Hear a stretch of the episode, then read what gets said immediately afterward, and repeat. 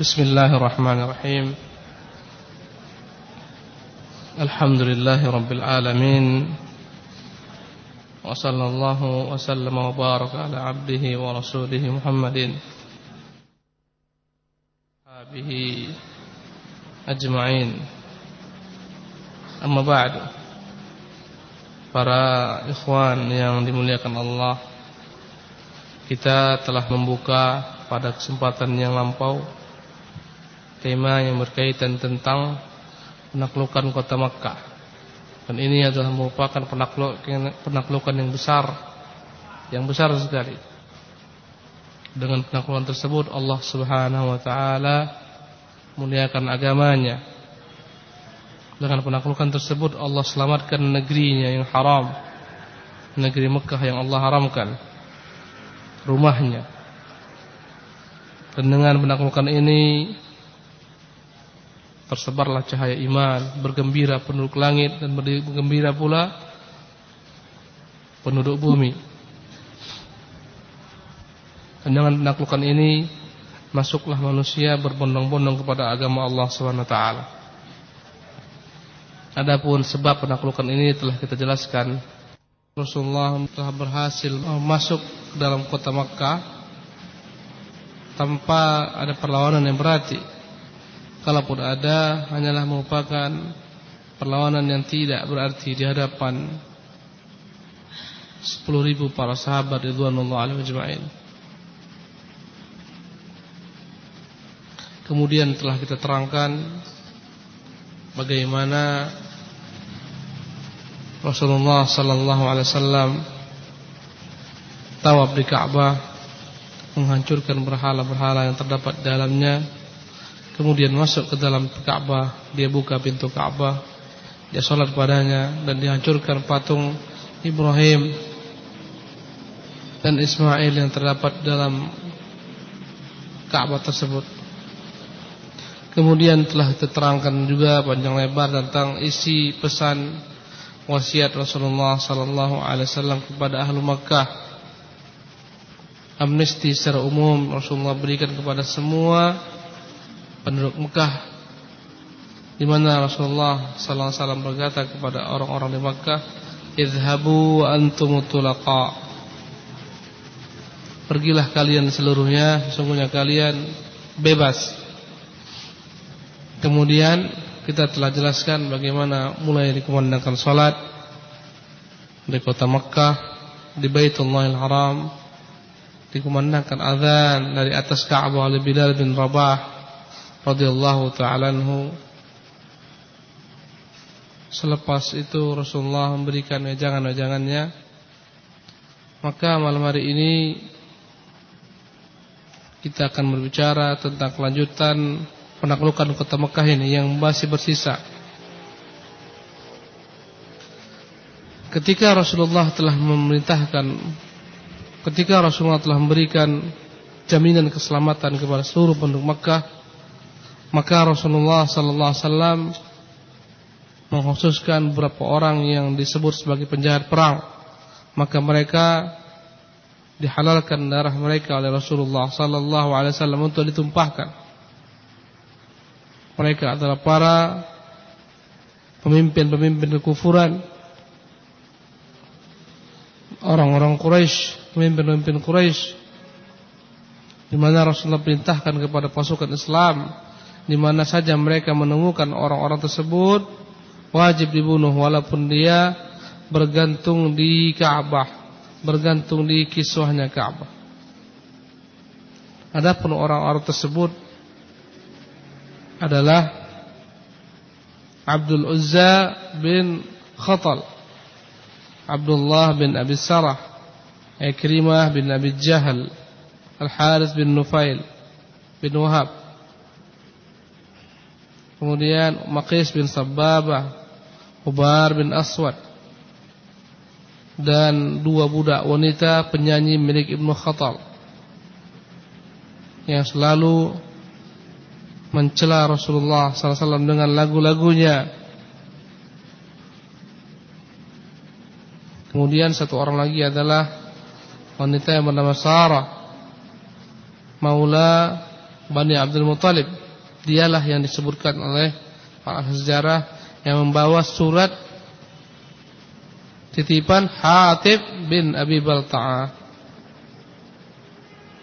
Maka kita akan mulai mengkisahkan perihal mereka ini. Adapun yang pertama Ibnu Abi Sarah yang Rasulullah permaklumkan dia sebagai penjahat perang yang wajib mati dibunuh di mana pun berada. Adapun Abi Sarah ini Ibnu Abi Sarah ini maka seketika datang menemui Uthman bin Affan radhiyallahu taala. Famili dekatnya. Dia bermohon oleh Uthman agar diberikan suaka baginya. Dijamin keselamatan darah yang tidak ditumpahkan. Dia datang kepada Uthman sebelum dia masuk Islam. Sebelum dia ditangkap oleh Rasulullah sallallahu alaihi wasallam. Ya.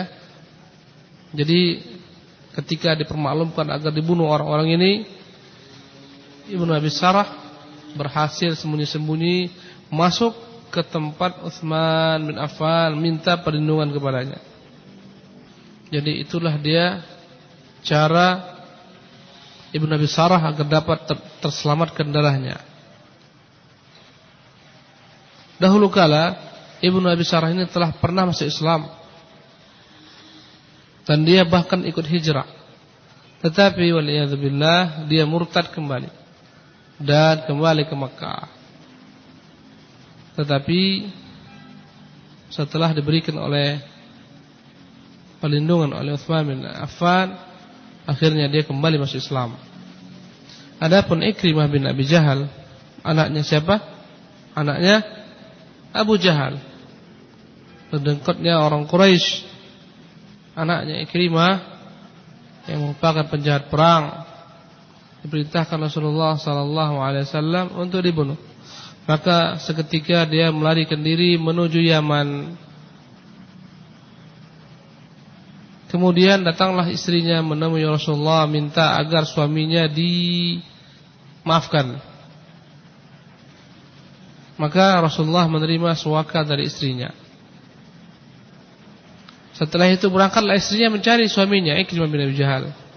Dia temui suaminya di tepi pantai siap-siap berangkat meninggalkan Jazirah Arabia menuju Habasyah. Maka dia beritahukan oleh istrinya, wahai suamiku, kembalilah kepada Rasulullah, mintalah kepadanya ampunan, baiklah dia. Sungguhnya aku telah mintakan untukmu jaminan keselamatan. Kemudian diceritakan oleh istrinya tentang kebaikan Rasulullah sallallahu alaihi wasallam. Akhirnya Ikrimah pun kembali menemui Rasulullah sallallahu alaihi wasallam, masuk Islam dan menjadi salah satu panglima yang banyak menaklukkan yang orang-orang kufar.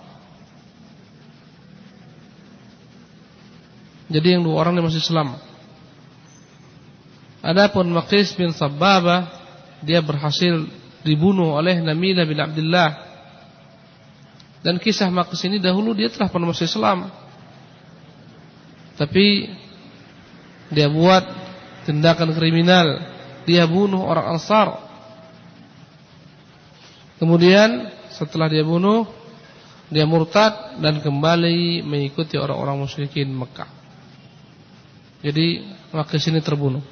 Adapun Al-Harith dia adalah orang yang paling banyak menyakiti Rasulullah SAW di Makkah. Maka Al-Harith dibunuh oleh Ali bin Abi Thalib radhiyallahu taala.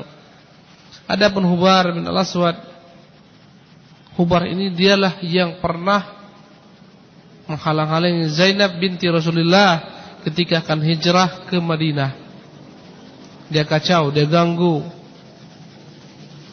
Sehingga akhirnya terjatuhlah Zainab radhiyallahu taala dari untanya sehingga seketika menggugurkan kandungan yang dalam perutnya. Ini Hubar bin Aswad. Maka ketika dimaklumkan agar dibunuh Hubar, dia lari dari Mekah. Kemudian setelah itu dia menyerah dalam keadaan masuk Islam dan baik Islamnya dan dimaafkan oleh Rasulullah subhanallah ini penjahat perang kalau masuk Islam dimaafkan. Masya Allah. Betapa rahman agama ini. Dahulu mereka lah penjahat perang yang senantiasa mengacaukan kaum muslimin, tapi kalau mereka masuk Islam, maka mereka dimaafkan. Adapun kedua penyanyi budak milik Ibnu Khattal, yang satu dibunuh, yang satu dimintakan baginya keamanan. Kemudian yang yang selamat tersebut masuk Islam. Sebagaimana Sarah, perempuan yang membawa berita surat dari Hatib, dia pun masuk Islam, pada akhirnya selamat.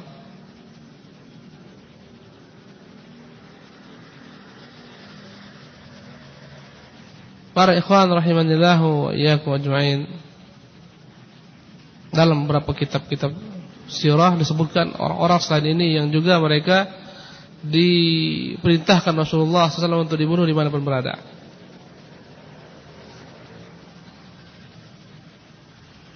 Ada Safwan bin Umayyah yang dahulu bapaknya Umayyah bin Khalaf adalah penjahat kelas kakap. Tuannya Bilal yang mengazab Bilal yang pada perang Badar dibunuh oleh Bilal bapaknya Umayyah ada pun anaknya bernama Safwan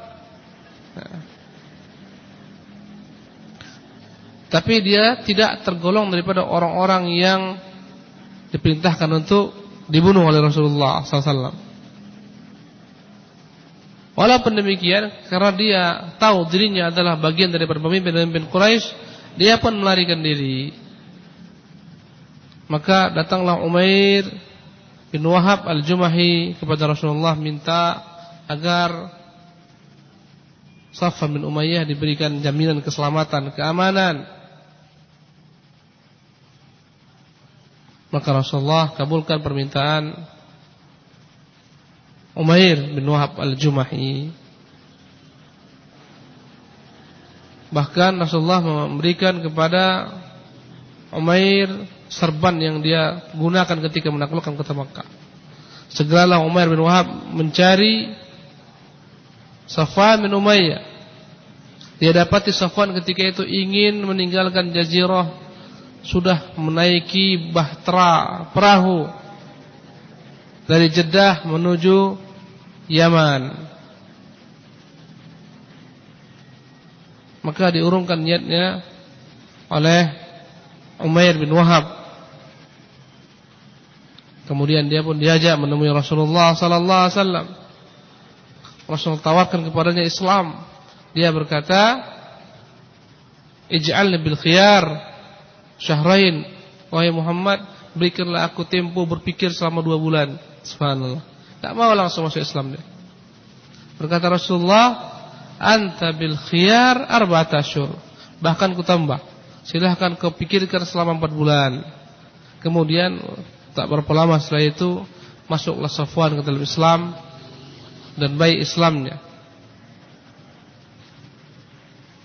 Dan sebelumnya istrinya telah masuk Islam dan Rasulullah sallallahu alaihi wasallam tidak membatalkan pernikahan keduanya, melangsungkan pernikahan keduanya.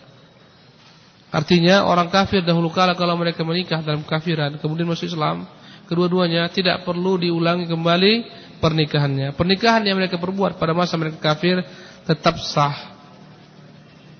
Kemudian ada seorang bernama Fadalah. Dia adalah seorang yang paling berani, berani sekali dia. Terbersit dalam niatnya ingin membunuh Rasulullah ketika Rasulullah tawaf. Maka Rasulullah beritahukan apa yang terdapat dalam niatnya. Akhirnya dia kaget bagaimana Rasulullah tahu apa yang terdapat dalam dirinya. Kemudian dengan itu dia tahu kebenaran Rasulullah adalah Rasul dan dia pun masuk Islam. Adapun pada hari kedua ikhwan rahimakumullah setelah ditaklukkannya kota Mekah berdiri Rasulullah sallallahu alaihi wasallam kembali di hadapan orang banyak. Dia puji Allah Subhanahu wa taala, dia puji Allah. Dia muliakan Allah Subhanahu wa taala. Kemudian di antara pesan-pesan beliau sallallahu alaihi wasallam pada hari kedua ditaklukkannya kota Mekah, beliau bersabda, "Ayo, ayuhan nas, inna Allah harrama Makkah yawma khalaqas samawati wal ard." Berpesan Rasulullah sallallahu alaihi wasallam, "Wahai manusia, Sesungguhnya Allah telah haramkan Makkah semenjak Allah telah menciptakan langit dan bumi. Subhanallah. Ini menunjukkan bahwasanya Makkah itu adalah merupakan kiblat yang telah ada semenjak bumi ini ada. Itulah yang Allah katakan dalam kitabnya mulia. Kana awwalu baitin wudi'a lin-nas lalladzi bi Bakkah mubarakan wa alamin adalah rumah yang pertama diletakkan oleh Allah sebagai kiblat bagi manusia yang berada di kota Makkah. Dalam bahasa Qur'annya bibakkata. Mubarakan yang penuh dengan keberkahan. Subhanallah. Sebelum ada Ka'bah, sebelum dibangun oleh Ibrahim dan Ismail, Makkah telah Allah jadikan sebagai kiblat manusia. Maka kata Rasulullah, "Inna Allah harrama Makkah yawma khalaqas samawati wal ard." Sesungguhnya Allah telah haramkan Mekah semenjak diciptakan langit dan bumi. Fahiya haramun bihurmatillahi ila yaumil qiyamah. Maka Mekah tetap akan menjadi negeri yang aman. Haram memperbuat segala macam bentuk kejahatan, kezaliman padanya sampai hari kiamat. Haram dengan pengharaman yang datang daripada Allah Subhanahu wa taala. Maka di Mekah enggak boleh tumpahkan darah. Maka berkata Rasulullah, "Fala yahillu limri'in yu'minu billahi wal yawmil akhir an yasfika fiha dama." Enggak boleh seorang so, tidak boleh orang mana pun yang mengatakan dia beriman kepada Allah, beriman kepada hari akhir untuk menumpahkan darah padanya. Enggak boleh membunuh di Mekah. Diharamkan untuk menumpahkan darah di kota Mekah dalam haram. Bahkan orang-orang jahiliyah sebelum Islam pun mereka kalau musuhnya lari ke kota Makkah, ke dalam Makkah, mereka biarkan tidak mereka kejar. Kemudian bersabda Rasulullah Au ya'didu biha syajarah. Dilarang pula untuk menebang pohon yang ada. Ini di antara hukum-hukum tanah Makkah. Pohon yang tumbuh sendiri di kota Makkah tidak boleh ditebang. Subhanallah. Enggak boleh antum tebang pohon-pohon yang ada dalam, dalam haram yang dia tumbuh sendiri, bukan yang ditanam, yang tumbuh sendiri. Enggak boleh ditebang pohonnya. Ini merupakan keistimewaan kota Makkah. Bahkan binatang-binatang buruan dalamnya enggak boleh dibunuh. Bukan hanya enggak boleh dibunuh, diusir aja enggak boleh. Kata Rasulullah, la yunaffaru. Enggak boleh diusir binatang-binatang buruan dalamnya, apalagi dibunuh. Subhanallah. Ini hanya ada pada kota Makkah dan kota apa? Madinah. Kedua-duanya disebut dengan nama tanah haram atau al-haramain, dua tanah haram. Kata Rasulullah, "Fa in ahadun tarakhasa liqitali Rasulillah sallallahu alaihi wasallam faqulu Allah adina li rasulihi walam ya'dan lakum. Kalaulah ada orang yang berkilah, berhujah, boleh menumpahkan darah padanya sebab Rasulullah sallallahu alaihi wasallam masuk ke dalamnya dengan pakaian perang, ingin menaklukkan orang-orang terdapat dalamnya, katakan sesungguhnya Allah yang mengizinkan Rasulullah sallallahu alaihi wasallam sebagai bentuk keringanan bagi beliau tidak untuk kalian. Kata Rasulullah, wa inna ma halat li sa'ati halat li sa'atan nahar.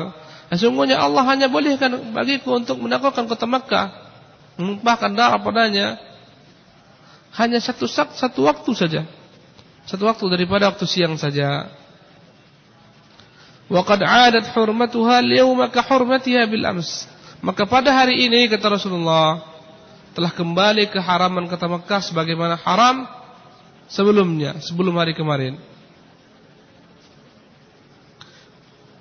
Falyuballigh syahidul ghaib, maka hendaklah yang hadir menyampaikan kepada yang tidak hadir tentang perkara Mekah ini. Dalam riwayat lainnya beliau mengatakan yu'dadu syaukuh wa la yunaffaru sayduh bahkan duri-duri yang pohon-pohon berduri yang tumbuh di sana liar pun jangan diganggu, jangan dipatahkan. Buruan-buruan terdapat dalamnya merpati-merpati, apa pun juga yang boleh dimakan dari binatang-binatang yang tinggal di haram jangan diganggu, apalagi dibunuh. Wala tulqatu saqitatuhu illa man 'arrafaha. Benda yang tercecer padanya enggak boleh diambil kecuali untuk menerangkan, untuk memberitahukan tentang siapa pemiliknya. Enggak boleh diambil. Kalau selain kota Makkah boleh kita ambil, kita simpan satu tahun setelah dipermaklumkan, diiklankan, enggak dapat, enggak ada yang mengambil, baru boleh kita ambil jadi milik kita. Adapun barang-barang hilang di kota Makkah enggak boleh diambil. Kalaupun boleh hanya sekedar untuk diberikan kepada panitia di sana yang menyimpan benda-benda yang tercecer, enggak boleh kita ambil. Berbeda dengan tanah lainnya. Khalah Rumput-rumputannya pun jangan diganggu, jangan ditebang. Berkata Abbas, "Ya Rasulullah, illal idkhir." Wahai Rasulullah, kata Abbas paman Nabi, bagaimana dengan pohon idkhir? Sejenis ilalang di sana. Innahu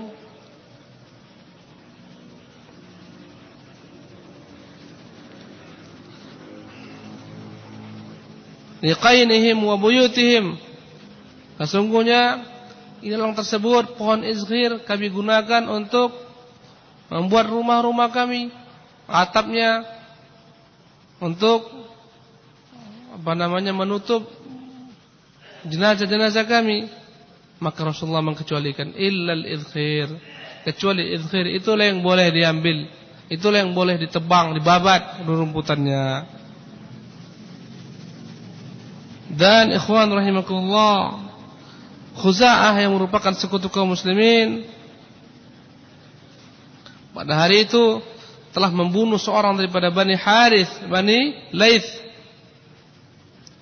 sebagai bentuk balas dendam karena warga mereka dahulu ada yang dibunuh oleh Bani Laith pada masa jahiliyah. Jadi Khuza'ah sempat membunuh satu orang daripada Bani Laith karena mereka dulu membunuh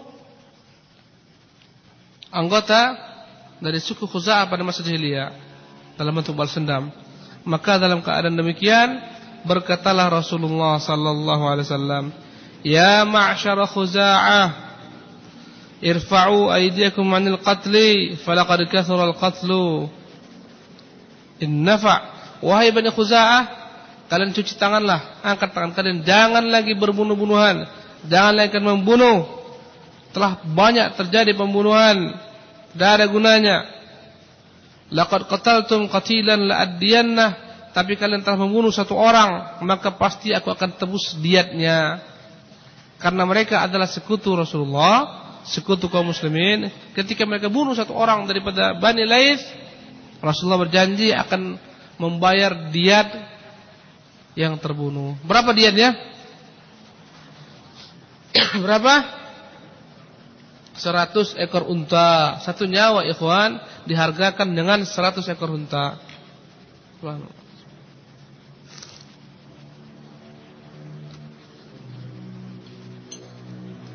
Andai kata dimaafkan ya, maka wajib membayar kafarat diat sebanyak 100 ekor unta. Kalau andai kata tidak dimaafkan, kisos. Ya. Tetapi dalam perkara fitnah pembunuhan beramai-ramai yang enggak jelas siapa yang bunuh, ini tidak ada kisas. Yang ada hanyalah biat. Jadi orang-orang Khuza'ah membunuh salah satu daripada Bani Laith ini dalam keadaan banyak fitnah. Mereka balas dendam karena mereka dulu ada yang dibunuh ketika jahiliyah. Subhanallah. Ini menunjukkan ikhwan betapa kuatnya kesukuan pada bangsa Arab. Satu anggota mereka jika dibunuh mereka akan tuntut darahnya. Subhanallah. Jika terbunuh satu orang berarti perang kepada sukunya seluruhnya. Itu tradisi bangsa Arab. Dan itu sampai sekarang masih berlaku. Di sebagian tempat di daerah Arab sana, di Yaman contohnya. Kuat sekali kesukuan itu. Satu orang terbunuh sama berarti antum menentang seluruh mereka, akan menghadapi seluruh mereka. Terkadang gagal satu orang terlibat perangan antar dua suku. Subhanallah. Faman qatala ba'da maqami hadha fa ahlu bi khairin nadharain. Idza sya'u fadam qatilih wa in sya'u fa'aqal fa'aqalahu. Maka setelah ini barang siapa yang masih membunuh terserah kepada keluarga yang terbunuh. Boleh mereka minta tebus darah dengan darah. Namanya apa? Qisas. Atau kalau mereka mau, boleh mereka minta untuk dibayar diatnya. Maka ketika banyak Rasulullah memberikan hal ini, berdirilah seorang dari Yaman bernama Abu Syah. Dia berkata, Abu berkata Abu Syah, "Uktub li ya Rasulullah." Tuliskanlah wasiat-wasiat ini ya Rasulullah. Banyak ini Aku mau pulang ke Yaman, enggak hafal. Berkata Rasulullah, "Uktubu li Abi Syah." Tuliskanlah untuk Abu Syah. Ini menunjukkan bahwasanya telah ada penulisan hadis pada masa Rasulullah sallallahu alaihi wasallam. Telah ditulis. Bukan sebagaimana anggapan orang-orang orientalis yang ingin menimbulkan syubhat kepada kaum muslimin seperti Golziher, Yusuf Sak yang mereka mengatakan tidak ada hadis itu. Semuanya sudah dipalsukan oleh Bani Umayyah. Karena hadis baru ditulis kata mereka pada masa pemerintahan Abdul Aziz, Umar bin Abdul Aziz. Ya, Syihabun Az-Zuhri dialah yang pertama kali mengumpulkan hadis-hadis. Dianggapnya mengumpulkan hadis ini maknanya itulah pertama kali baru dibukukan hadis. Padahal telah ditulis hadis secara per individu sejak masa Rasulullah sallallahu alaihi wasallam menyuruh orang-orang orientalis semua hadis itu buatan dinasti Umayyah untuk menjaga status quo, melanggengkan melanggengkan kekuasaan mereka. Maka terbantah dengan perkataan Rasulullah ini. Kata Rasulullah kepada manusia, "Uktubu li Abi Syah." Tolong kalian tuliskan untuk Abu Syah ini apa yang tadi sampaikan. Para ikhwan yang dimuliakan oleh Allah SWT. Tatkala Rasulullah SAW telah berada di kota Makkah, dan tentunya semua kita tahu itulah negeri kelahiran Rasulullah. Itulah tempat tinggalnya. Di situ dia dibesarkan. Berkata sebagian Ansar, "Atarawna Rasulullah idza fataha alaihi ardahu wa baladahu an biha?" Berkata orang Ansar, saling mereka membisikkan satu sama lainnya. Subhanallah, bagaimana pendapat kalian? Sekarang Rasulullah telah kembali ke kotanya, ke kelahiran tempat kelahirannya. Dalam keadaan menaklukkan kaumnya aman, dia ke, telah menjadi penguasa di sini. Bagaimana pandangan kalian? Maukah dia kembali lagi bersama kita ke kota Madinah atau dia akan tetap bersama kaumnya? Subhanallah. Takut Ansar. Ya. Karena dahulu kala Rasulullah hijrah ke Madinah, Makkah musuh Orang-orang Makkah adalah merupakan musuh bagi kaum muslimin, orang-orang Quraisy. Sekarang semua mereka tunduk. Makkah menjadi negeri Islam, menjadi negeri yang aman. Berkata orang-orang Ansar, jangan-jangan beliau enggak mau lagi kembali bersama kita ke kota Madinah. Allahu Akbar. Maka ketika sampai ke telinga Rasulullah desas-desus ini maka beliau berkata, "Madza qultum?"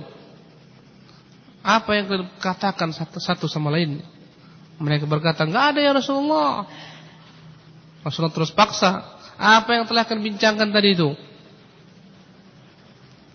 Akhirnya dengan terpaksa mereka mengatakan, ya Rasulullah, kami khawatir Anda enggak pulang bersama kami, tinggal di sini. Kami pulang tanpa engkau ya Rasulullah. Berkata Rasulullah, Ma'adallah, al-mahya mahyakum, wal mamatu mamatukum. Nauzubillah kata Rasulullah. Di mana kalian hidup di situ aku hidup. Di mana kalian mati di situ aku mati. Subhanallah. Kemudian setelah Islam, setelah Rasul taklukkan Makkah, mulailah orang-orang melihat kebenaran Islam. Mulailah Quraisy membuka matanya mengakui kebenaran agama yang hak ini mereka semua yakin tidaklah ada jalan keselamatan kecuali dengan memeluk Islam. Maka mereka pun mulai tunduk memeluk agama Islam. Mereka berkumpul membaiat Rasulullah sallallahu alaihi wasallam untuk taat kepada beliau di atas Islam.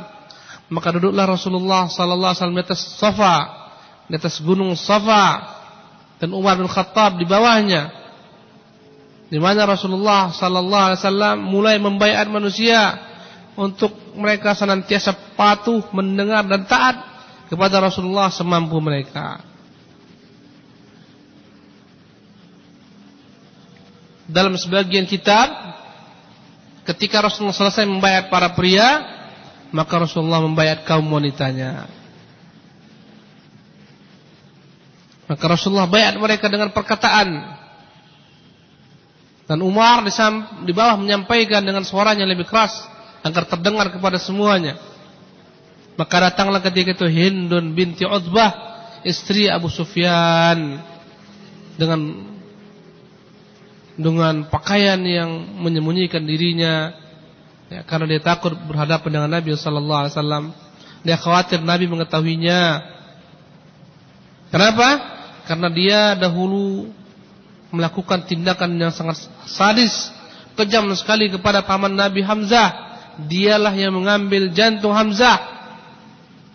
Yang dia dengan geramnya dia gigit jantung Hamzah ingin ditelan tapi tidak mampu sehingga termuntahkan olehnya. Datanglah Hindun binti Utbah. Istri siapa? Abu Sufyan, pemimpin Quraisy. Sembunyi-sembunyi dia, takut ketahuan Rasulullah. Maka Rasulullah sallallahu alaihi wasallam mulai membayar mereka. Berkata Rasulullah, "Ubayyi'kunna ala an la tusyrikna billahi syai'a." Aku membayar kalian seluruhnya agar kalian tidak lagi menyebutkan Allah dengan apa pun juga. Maka Umar menyampaikan kepada kaum wanita bayat tersebut dengan suara yang lantang agar mereka semua tidak lagi berbuat syirik. Berkata Rasulullah, "Wala tasriqna." Aku membayat kalian jangan lagi kalian pernah mencuri. Berkatalah ketika itu Hindun binti Utbah dengan suaranya dan Rasulullah mendengar. Dia kira Rasulullah tidak tahu tentang dirinya. Apa kata Hindun? Inna Abu Sufyan rajulun syahih. Bagaimana? Ya Rasulullah, Abu Sufyan suamiku itu kikir orangnya. Fa in asabtu min mali hannat. Bagaimana jika ku ambil hartanya tanpa pengetahuannya untuk kebutuhanku? Berkata Rasulullah, "Wa ma asabti fahuwa laki halal."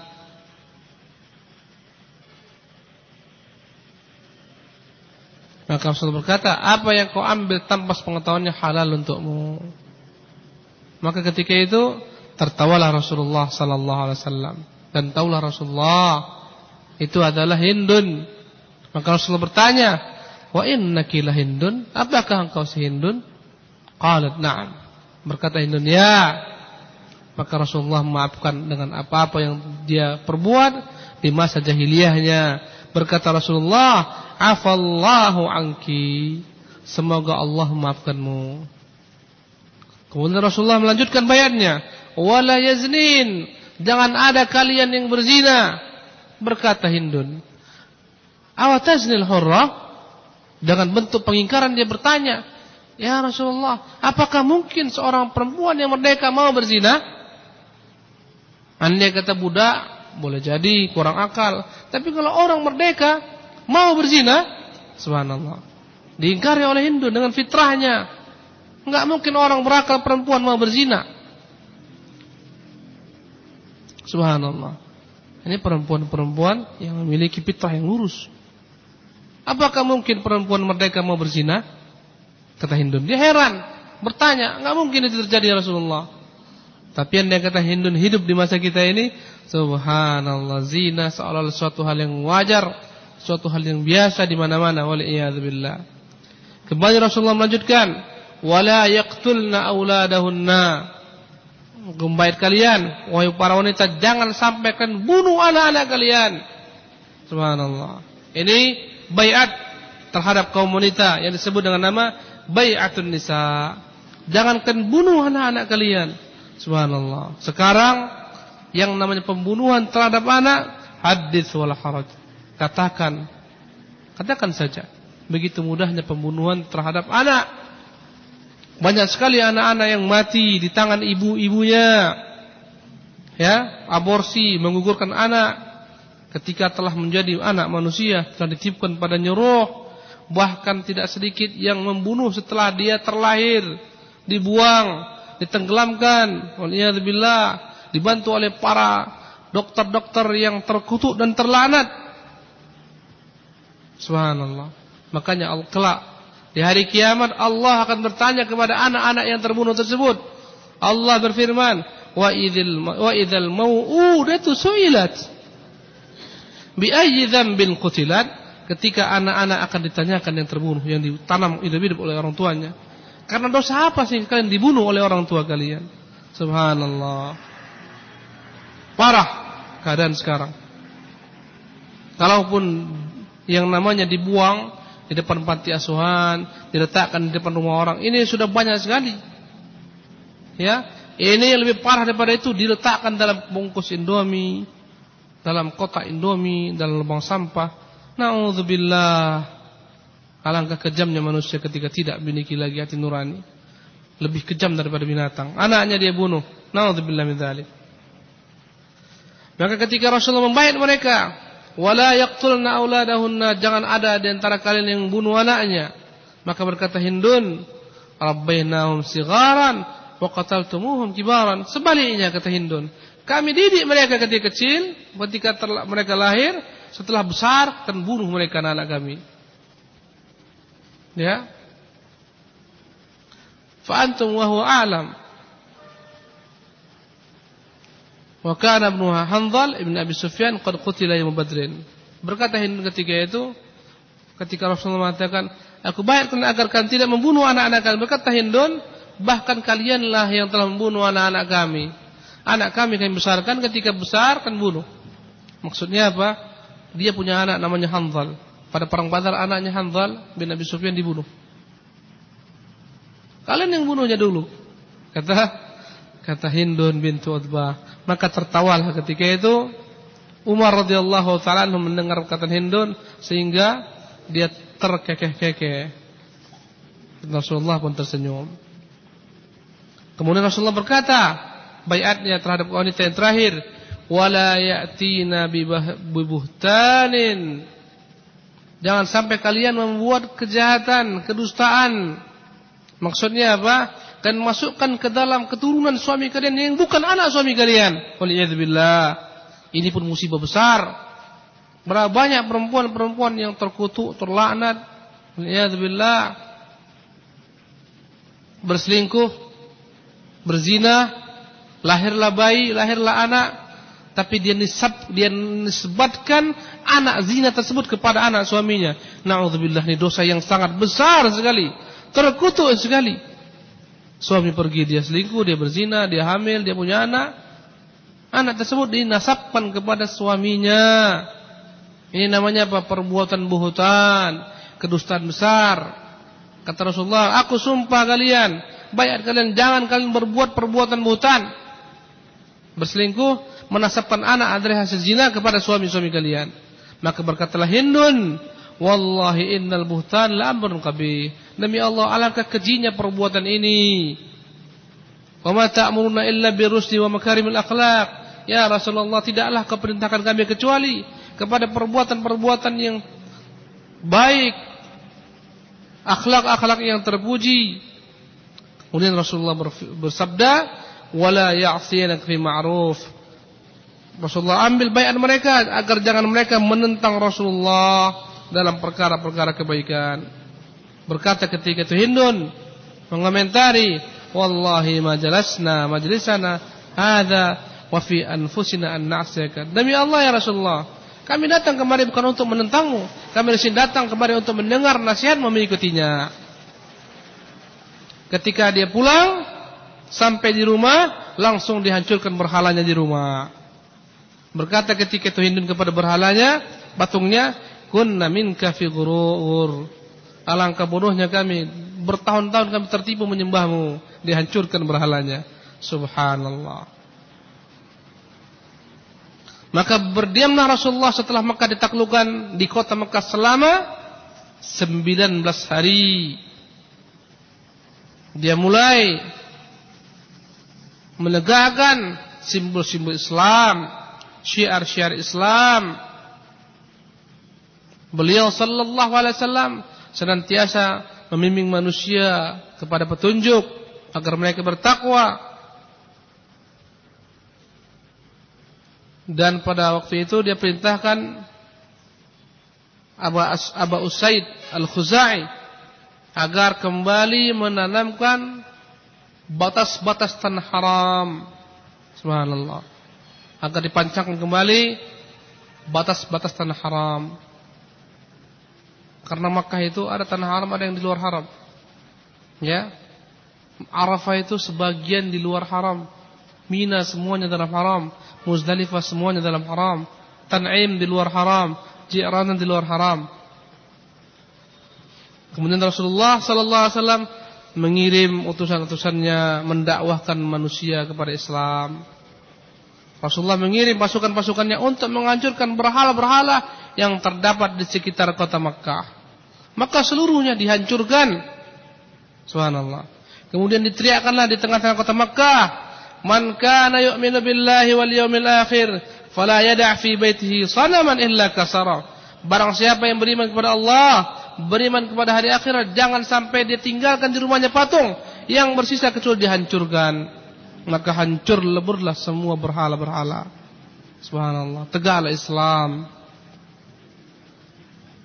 Setelah Rasulullah merasa telah tentram di kota Mekah, merasa aman, maka dia telah mulai mengutus pasukan-pasukannya untuk mendakwakan Islam menghancurkan berhala-berhala. Rasulullah kirim ketika itu Khalid bin Walid untuk menghancurkan berhala Uzza. Ya, berangkatlah Khalid bin Walid. Khalid bin Walid. Lima hari terakhir sebelum berakhirnya bulan Ramadan pada tahun ke-8 Hijriah untuk menghancurkan patung Al-Uzza yang tempatnya berada di kota Nakhla.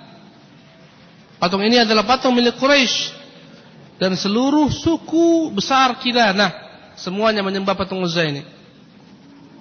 Dan dia adalah merupakan patung yang terbesar dan adalah penjaga patung ini juru kuncinya Bani Syaiban, suku daripada Bani Syaiban. Keluarlah Khalid bin Walid membawa 30 orang penunggang kuda, pasukan berkuda sampailah mereka di tempat patung ini seketika dihancurkan oleh Khalid bin Walid radhiyallahu taala anhu. Tatkala dia kembali kepada Rasulullah, Rasulullah bertanya kepadanya, "Hal ra'aita syai'an?" Apakah kamu lihat ada sesuatu, ya Khalid, ketika kau hancurkan patung tersebut? Berkata Khalid, "Tidak ya Rasulullah, enggak ada." Enggak ada kecuali patung itu saja.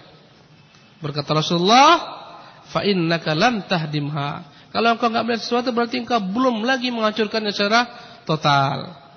Farji ilaiha fahdimha. Pulang kembali. Berangkat. Hancurkan sekali lagi. Kembalilah Khalid ke sana. Dalam keadaan marah. Dia hunus pedangnya. Keluarlah ketika itu seorang perempuan telanjang bulat. Perempuan hitam. Dengan acak-acakan rambutan rambutnya. Maka seketika berteriaklah Bani Syaiban para juru kunci patung tersebut. Mereka semuanya menjerit-jerit. Karena keluarnya perempuan ini. Maka seketika Khalid memenggalnya menjadi dua bagian. Terbelah menjadi dua bagian. Subhanallah. Kemudian dia kembali kepada Rasulullah SAW. Diberitakannya ayat apa yang dia perbuat. Berkata Rasulullah, Naam tilkal uzza. Ya, itulah hakikatnya uzza. Subhanallah. Waqad aysat an tu'bada fi biladikum abada. Uzza telah merasa putus asa untuk dapat kembali disembah di negeri kalian selama-lamanya. Inilah jin penunggu patung Uzza. Subhanallah. Kemudian beliau mengutus Umar, Amr, Amr bin As. Pada bulan itu juga untuk menghancurkan patung Suwa. Suwa adalah patung ya simbol daripada orang saleh pada zaman Nabi Nuh yang telah ter yang ter yang apa namanya kaum Nabi Nuh. Ada seorang yang bernama Suwa orang saleh ketika dia meninggal dibuatkan patungnya disembah oleh kaum Nabi Nuh ketika terjadi topan badai apa namanya banjir besar tertimbunlah patung-patung ini dan kembali terbongkar dapat kembali ya oleh orang-orang Quraisy, oleh orang-orang Arab kembali disembah. Patung Suwa ini adalah patung milik suku Hudzail. Ya. Yang jaraknya sekitar 3 mil dari kota Makkah. Ketika sampai ke sana Amr berkatalah ketika itu penjaga patung tersebut, juru kuncinya, "Ma turidu?" Apa rupanya yang ingin kau perbuat di sini? Berkata ketika itu Amr Rasulullah yang mengutusku kemari untuk menghancurkan patung ini. Berkata juru kunci ini, "La taqdiru ala dzalik." Mustahil engkau mampu menghancurkannya.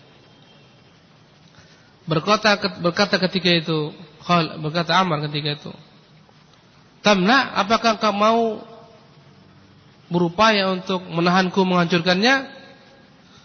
Berkata ketika patung tersebut, eh, berkata ketika itu penjaga e, patung ini, "Engkau tidak akan mampu menghancurkannya. Dia maha kuat, dia mampu menjaga dirinya." Maka berkata Khalid, hatta berkata Amr, "Hatta al-ana anta ala batil." Sampai sekarang kau punya pemikiran yang batil. Kau anggap ini bisa menahan dirinya, menjaga dirinya. Wayhak. Sungguh celaka dirimu. Hal yasma'u yubsir. Apakah kau tahu dia bisa mendengar apa yang kau katakan? Dia bisa melihat apa yang kita perbuat? Kemudian mendekatlah Amar seketika dihancurkan patung tersebut. Dia perintahkan para sahabat-sahabatnya untuk menyempurnakan penghancuran patung tersebut. Kemudian Ternyata patung tersebut diletakkan dalam satu rumah, di sana ada tempat, ada kas. Ya. Tempat penyimpanan harta. Setelah dibongkar, tidak mereka dapat di dalamnya apa pun juga.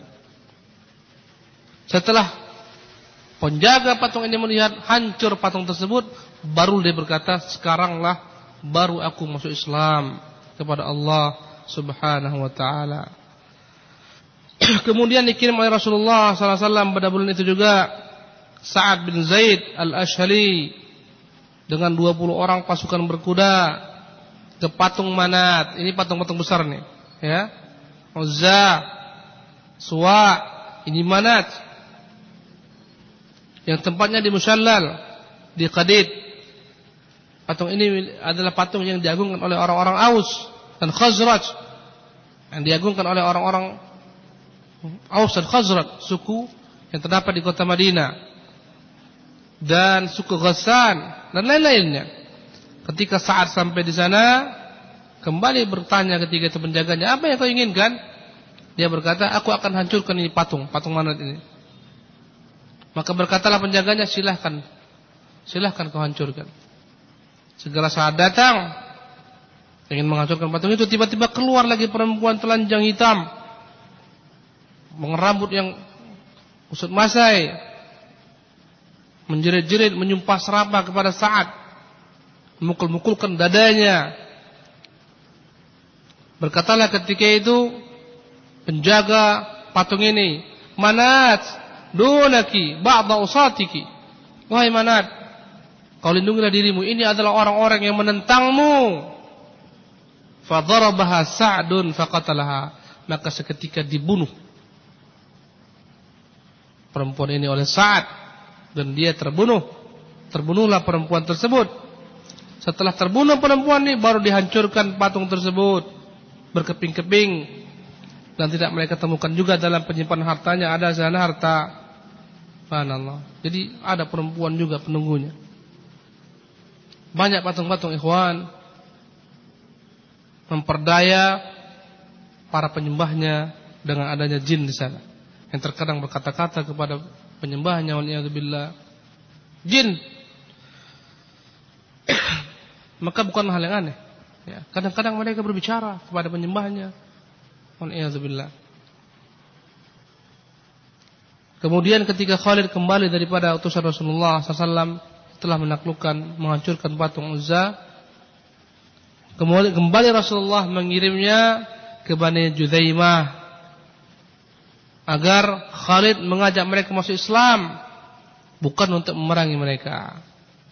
Keluarlah Khalid bin Walid membawa 350 orang pasukan dari orang-orang Muhajirin dan Ansar dan Bani Salim. Sampailah mereka di suku Judaimah ini. Mulailah Khalid menyuruh mereka agar masuk Islam. Memerintahkan mereka untuk mengucapkan syahadat. Tasyhadu an la ilaha illallah. Tapi mereka kesulitan mengucapkannya. Mereka hanya mampu mengatakan mereka diperintahkan untuk mengatakan aslamna masuk Islam, kami masuk Islam. Mereka kesulitan mengatakan kata-kata aslamna. mereka hanya mampu mengatakan Sobakna, sobakna. Yang maknanya sama. Arti sobak adalah masuk dalam satu agama yang baru. Maka Khalid menganggap mereka tidak mau masuk Islam. Maka Khalid membunuh sebagian mereka dan menjarakan sebagian lainnya. Bahkan Khalid membagi-bagi mereka kepada pasukannya. Kemudian diperintahkan oleh Khalid setiap pasukannya agar memenggal, menghabisi semua tawanan-tawanan tersebut. Adapun Ibnu Umar dan para sahabat-sahabat lainnya, mereka tidak mau menjalankan perintah Khalid sampai mereka bertemu dengan Rasulullah SAW. Maka ketika mereka bertemu, mereka sebutkan perkara ini kepada Rasulullah. Maka Rasulullah mengangkat kedua tangannya ke atas langit Kemudian dia berkata, Allahumma inni abra'u ilaika mimma sana'a Khalid. Ya Allah, aku berlepas diri kepadamu daripada apa yang diperbuat Khalid. Khalid menganggap mereka enggak mau masuk Islam. Padahal mereka masuk Islam tapi enggak mampu mengatakan kata-kata aslamna. Mereka hanya lancar mengatakan soba'na dan mereka dibunuh oleh Khalid. Subhanallah. Ini menunjukkan Khalid memiliki syubhat dia kira orang ini nggak masuk Islam. Makanya sebagian sahabat tidak mau mematuhi perintah Khalid. Adapun orang-orang yang terbunuh itu rata-rata dibunuh oleh suku Bani Salim. Adapun seluruh orang-orang Muhajirin Ansar mereka semuanya menahan diri tidak membunuh tawanan-tawanan tersebut sampai mereka bertemu Rasulullah sallallahu alaihi wasallam. Maka Rasulullah utus Ali kembali ke suku Judaimah untuk memberikan diat terhadap orang-orang yang terbunuh dari mereka. Subhanallah. Ketika terjadilah perdebatan ketika hal ini terjadi, Khalid perintahkan mereka dibunuh, dibantah oleh sahabat Rasulullah bernama Abdurrahman bin Auf. Terjadilah antara kedua orang ini pertengkaran yang panjang, pertengkaran mulut, ya, yang hebat. Maka ketika sampai perkara ini kepada Rasulullah, berkata Rasulullah, "Mahlan ya Khalid." Berhati-hati engkau lah Berhati-hatilah engkau wahai Khalid. Da'anka ashabi. Kau tinggalkan mereka itu adalah sahabat-sahabatku. Fa wallahi demi Allah, "Lau kana Uhudun dhahaban thumma anfaqtahu fi sabilillah, ma adrakta ghadwata rajulin min ashabi wala rauhata." Demi Allah, kalaulah gunung Uhud itu menjadi emas, kau infakkan semuanya, tidak akan mungkin kau dapat mencapai derajat mereka. Bagaimana mereka berangkat, bagaimana mereka pulang. Subhanallah. Itu kata Rasulullah kepada Khalid bin Walid membela para sahabat-sahabat senior beliau sallallahu alaihi wasallam. Itulah ikhwan rahimanillah ya ajmain kisah tentang penaklukan kota Makkah, penaklukan yang terbesar yang dengannya hancurlah segala macam bentuk eksistensi negeri Quraisy, kekufuran Quraisy yang dibangun di atas agama paganis berhala-berhala. Dan Rasulullah tidak membiarkan sama sekali adanya peluang-peluang kembalinya negeri tersebut kepada kesyirikan. Adapun kabilah-kabilah Arab, mereka senantiasa menunggu apa yang diperbuat oleh Quraisy terhadap kaum muslimin dan sebaliknya. Tatkala mereka telah melihat, subhanallah, bagaimana takluk Quraisy kepada Rasulullah, kepada Islam, maka mereka pun melihat kebenaran ada pada Rasulullah dan para sahabat-sahabat beliau sallallahu alaihi wasallam. Karena mereka punya keyakinan mustahil negeri haram ini, negeri Mekah ini dikuasai kecuali oleh yang benar.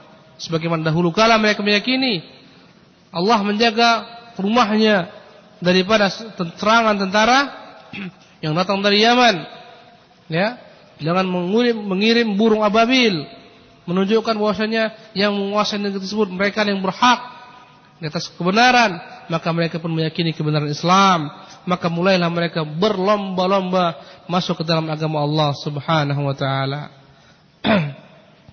maka pasukan kaum muslimin yang dahulu kala dalam perangan enggak pernah mencapai lebih daripada 3000 maka setelah Rasulullah menyelamatkan kota Mekah berubahlah mereka menjadi subhanallah 12.000 pasukan yang kelak akan berangkat untuk menaklukkan orang-orang Thaqib dan Hawazin. Nanti akan kita bahas dalam peperangan yang disebut dengan nama peperangan Hunain. Maka dengan demikian ikhwan rahimanillah wa ajmain terpancanglah bendera tauhid di Makkah Mukarramah dan di Jazirah Arabia dan semoga kita senantiasa berdoa kepada Allah agar Allah terus-menerus menjaga negeri tersebut dari segala macam bentuk fitnah, makar tipu daya musuh-musuh Islam yang ingin menghancurkan tauhid. Wallahul musta'an wa alaihi tuklan. Wa sallallahu wa sallam ala nabiyyina Muhammadin wa akhir da'wana alhamdulillahi rabbil alamin. Wassalamu alaikum warahmatullahi wabarakatuh.